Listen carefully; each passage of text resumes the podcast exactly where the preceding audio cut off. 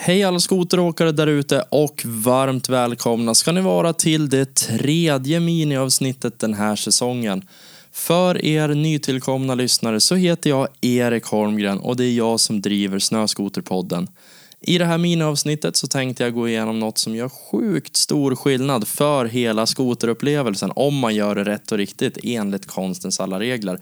Och det är inte helt enkelt, men samtidigt är det inte allt för komplicerat heller. Vi ska helt enkelt titta närmare på ämnet som kallas för skoterkläder.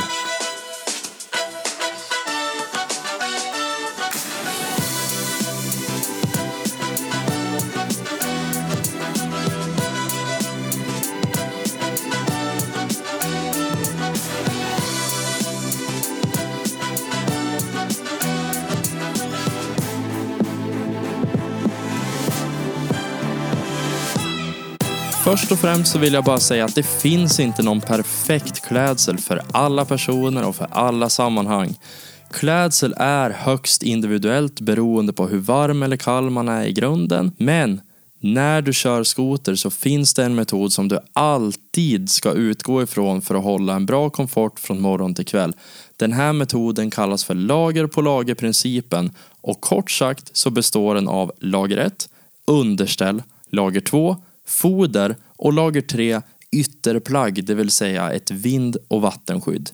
Den här metoden den går ut på att klä sig med extra lager av kläder och utrustning baserat på vad du ska göra och vilken temperatur det är ute just den dagen du ska köra. Så vi djupdyker lite grann i de olika lagren.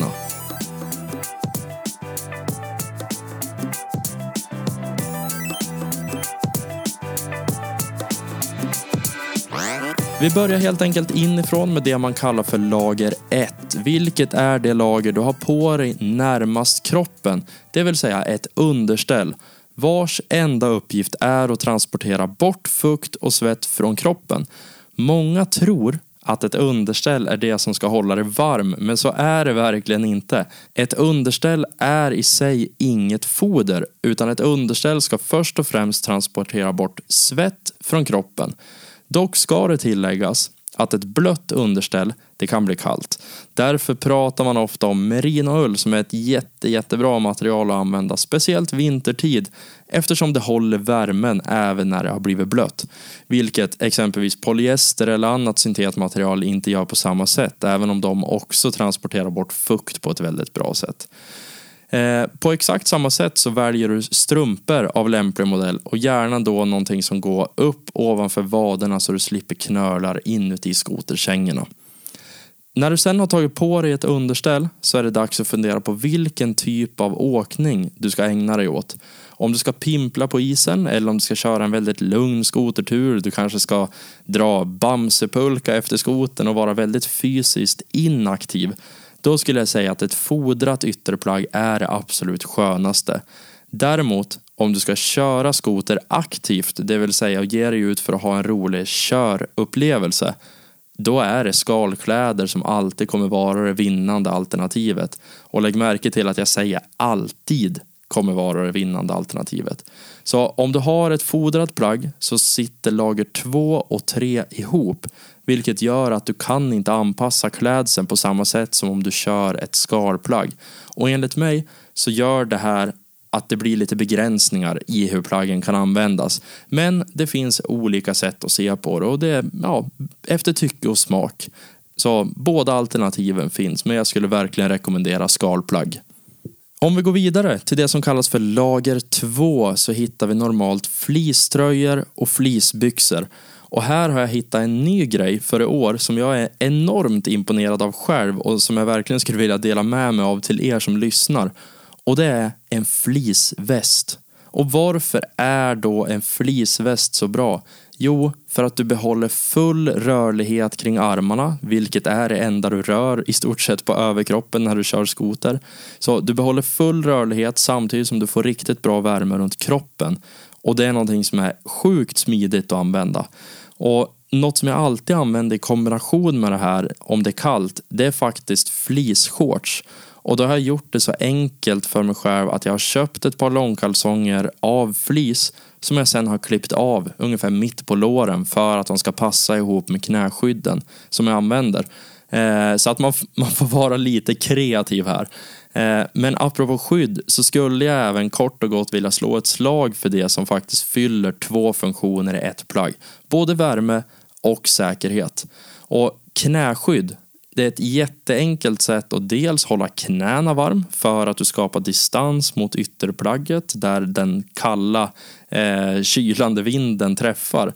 Eh, och det är också ett enkelt sätt att inte förstöra en hel dag eller något så dramatiskt som ett helt liv. Just för att det är väldigt enkelt att tappa greppet på fotstegen kanske. Du får ett, ett gräsligt skrapmärke eller så kanske du vrider knät åt fel håll. Så jätteviktigt att ha bra knäskydd. Det andra som du bör ha, det är ett överkroppsskydd och då framförallt bröst och ryggskydd. Jag brukar helt enkelt köra med ett, en skyddsväst där man får bröstskydd och ryggskydd i samma. Så på morgonen när man ger sig ut och är lite småfrusen och kanske lite kall i kroppen, då drar jag bara en fleecetröja rakt över skyddsvästen och då blir det aldrig trångt eller, eller sådär, utan det funkar faktiskt extremt bra. Sen så är det faktiskt bara lager 3 kvar och då är det nämligen skalplagget, antingen overall eller jacka byxa som då skyddar mot väder och vind. Svårare än så är det faktiskt inte. Det är faktiskt så pass enkelt. Eh, så om vi förtydligar, vi sammanfattar lite grann. Lager 1, det är alltså understället som transporterar bort fukt som du ska använda oavsett om du kör aktivt eller om du åker lugnt och sansat med låg energiförbrukning. Ett underställ, det ska du alltid ha när du åker skoter. Lager 2. Det här är lagret som är det värmande lagret, det vill säga det som håller fast värmen runt kroppen. Understället transporterar bort svett.